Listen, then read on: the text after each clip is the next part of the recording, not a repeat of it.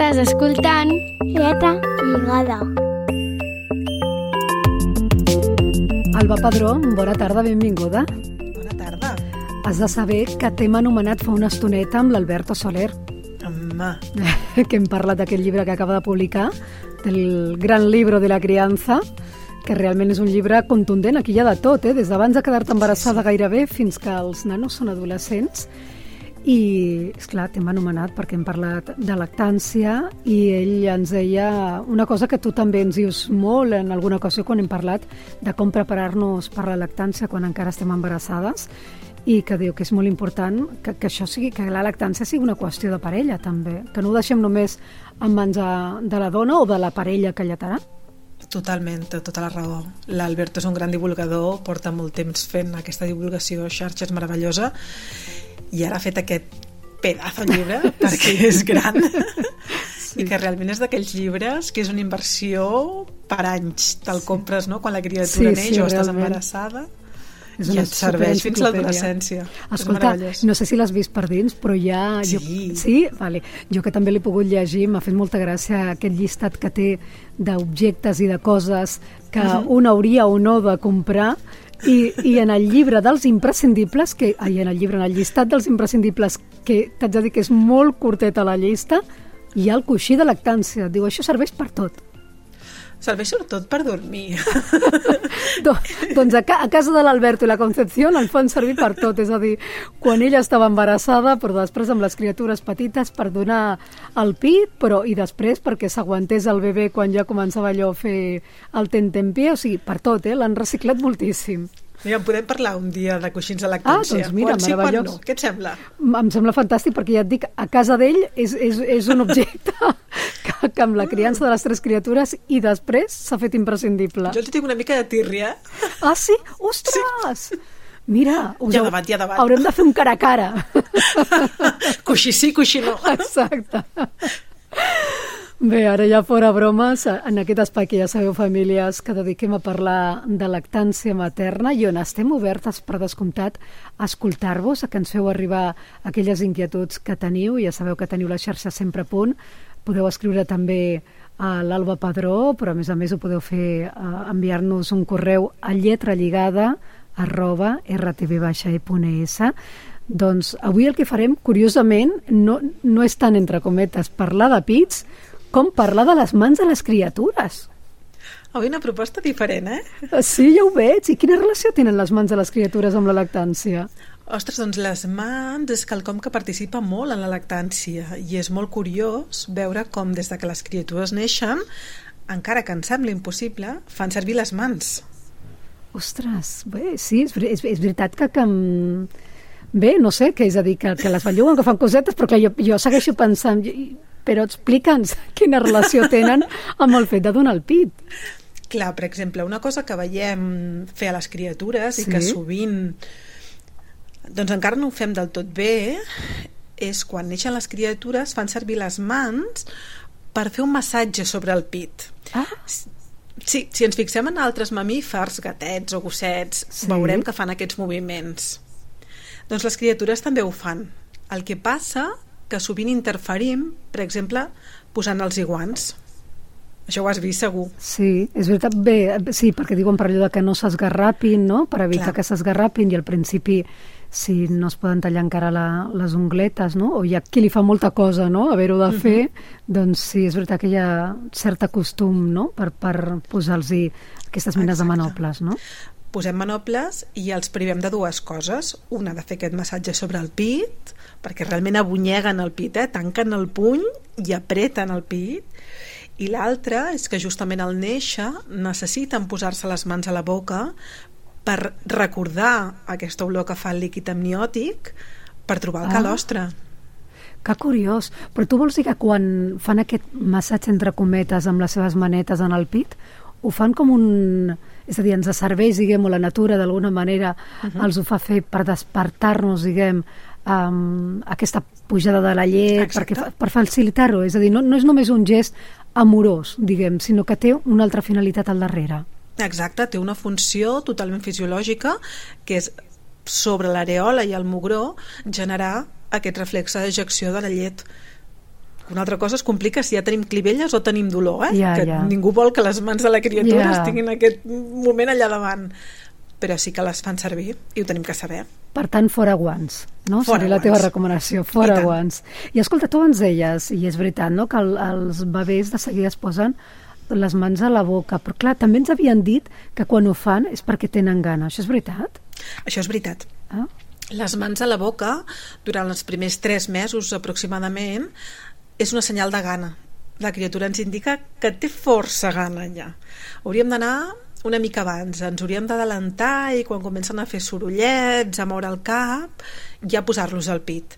Perquè quan ja tenen les mans a la boca, ja és que tenen molta gana. És allò que gairebé ara estic recordant la imatge d'algunes criatures no, amb el puny, no? El puny Exacte. a la boca una mica desesperades, Exacte. no? mirant de xuclar. Sí. I a vegades això és difícil perquè si la criatura té molta gana i la acostes al Ja. pit amb les mans a la boca, no es deixa manipular.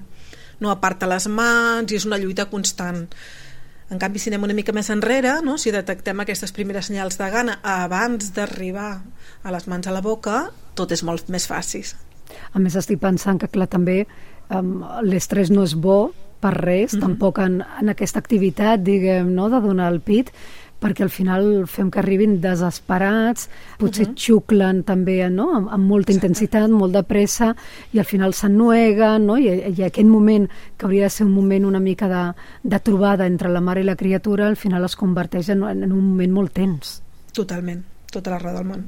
Però, és clar, estic pensant també que amb- relacionat amb, ara que tu dediques la secció a parlar de les mans de les criatures, clar, hi ha una cosa que ens preocupa molt quan se les posen a la boca i és que facin pipa, no? Per això moltes vegades els hi donem el xumet, no? Per evitar que se'l posin a la boca. O els hi traiem els dits a la boca. Sí, Clar, també hem de contextualitzar la situació. A partir dels 3 mesos, dèiem, abans dels 3 mesos, senyal de gana. A partir dels 3 mesos és una manera de conèixer el món. Primer de conèixer el seu cos, de conèixer els límits del seu cos, per poder conèixer el món. I tot passa per la seva boca. De Ja. fet, a la que puguin, engraparan el que trobin i s'anirà a la boca per reconèixer-ho. Per tant, és un moment que és cert que crea molt d'estrès a les famílies perquè és que oh, es posa les mans a la boca, els hi hem de treure, no? Llavors és una lluita constant de la criatura que es fica les mans i la família que els hi treu de la boca s'han de posar les mans a la boca i evidentment si fa pipa perquè a vegades van directament amb el dit gros a la boca sí. intentarem fer una mica de canviar-s'ho amb el pit, no? A veure si en aquell moment que, que han après, evidentment, que, el, que succionar el dit ofereix plaer i calma, si podem canviar pel pit. Però també et dic que és interessant deixar-los a nivell de que si això ho fem per canviar amb una pipa, per exemple, Sí. quan comencen a gatejar han de fer servir les mans. Per tant, hauran de posar les mans a terra. En Ja. canvi, si porten una pipa, tindran les mans a terra i la pipa a la boca. Però, esclar, hi haurà alguna família que ens escolti que digui ja, però jo tinc el record d'alguna imatge d'haver vist algun infant ja d'una certa edat, és a dir, no estem parlant de bebès, que tenen I adults, aquest perdó, eh? Jo, jo, afortunadament, no n'he vist d'adults, Sí, sí. eh? Sí? Doncs clar, que ho agafen com una costum precisament per això que tu deies, per tranquil·litzar-se, no? Clar, és molt plaent, la succió és molt plaent. I clar, això deu fer por, no?, de dir, de, de veure que, clar, aquells dies que probablement amb el, no, no sabria dir, però en el gran percentatge de, de les criatures no, no anirà més enllà i, com tu deies, a la que hagin de fer servir les mans per una altra cosa, s'oblidaran de fer pipa, però sempre hi ha aquesta por de veure si el meu fill serà d'aquests, no?, que quan tingui 4 o 5 anys Sí. aniran encara fent pipa. Sobretot per les dents. Sí. Realment aquí el, la part més afectada són les dents, no? Una mossegada oberta que caldrà recol·locar amb el temps a nivell d'odontopediatria. Hi ha factura aquí. Ja, ja. Doncs m- m- hem d'intentar trobar l'equilibri, eh?, entre deixar-los fer pipa i que la cosa no s'allargui massa. Exacte. Ja dèiem amb l'Alberto que és molt difícil això de la criança. Totalment. De trobar equilibris. Escolta, llegint aquests dies cosetes precisament quan em vas dir parlarem de les mans de les criatures que vaig pensar, informa't una mica perquè això de mans de criatures i pit no ho acabo d'entendre. Ostres, llegia una cosa que em cridava l'atenció, que es veu que diuen les àvies, que no sé si és veritat, sobre les mans en relació amb quan ja estan tips. Uh -huh. Sí, és cert. Els primers mesos, quan una criatura comença a mamar, és molt probable que tingui les, els punys apretats i amb força, i a mesura que es va omplint Ah. aquest dipòsit, ens anem relaxant, anem obrint les mans. I això moltes vegades, quan les mares tenen por de saber si la criatura menja o no, els hi transmetem, no? Fixa't amb les mans, fixa't en aquest moment on es va relaxant, va obrint i ens indica això, que s'està té la panxa plena llet. Perquè és veritat que de vegades també, sobretot quan, eh, bé, quan ens estrenem no? en la maternitat i en aquest terreny de la lactància, sempre tenim aquest gran dubte de saber si s'estaran alimentant prou, no? suficientment, i clar, en funció dels mesos i també de la capacitat de succionar de la criatura, uns van més ràpids que els altres, no? És a dir, que, que no val a dir és que el meu només mm, m'ha donat la sensació de, de que ha estat al pit, no sé, uns minuts i en canvi a la veïna o a l'amiga s'hi ha estat 30, no? Uh -huh. I clar, això dependrà de moltes coses, o sigui que una manera també de fixar-nos, de tenir una pista, és mirar-nos les, les mans de les criatures si estan relaxades, no? Exacte. Escolta, i ja de més grans, què? Què passa Ai, amb, amb les mans de les criatures? De més grans, evidentment la motricitat augmenta, cada vegada és més perfecta i aprenem a fer la pinça. I llavors fem servir el mugró Mira, com el dial de la ràdio. Ens va de perles, això, avui. per, per canviar de sintonia, vols dir? Exacte. Ah, això ja no I ens agrada. sintonitzen el ja. pit, no. Això no he trobat cap mare, Mm. mira que porto 25 anys amb el tema de la lactància, que li agradi el tema de la sintonització, eh? Ja. A totes els hi fa molt repelús. És que o és repelós o directament mal, eh? Perquè, clar, Sí, quan sí. t'estan estranyent i, clar, per ells és un joc, imagino, però, és clar... Té funció també, eh? Ah, sí? Sí, de la mateixa manera que dèiem que al principi fan servir les mans per estimular el pit, al sintonitzar, quan ja són més grans i evidentment la producció de llet n'hi ha, però costa una mica més de sortir, els ajuda, els ajuda a tenir llet més ràpidament. Doncs ho sento, però que busquin un altre sistema. Eh? Sí, això crec que totes estem d'acord. Mira, de moment nosaltres anem a posar un conte a les nostres mans. Vinga.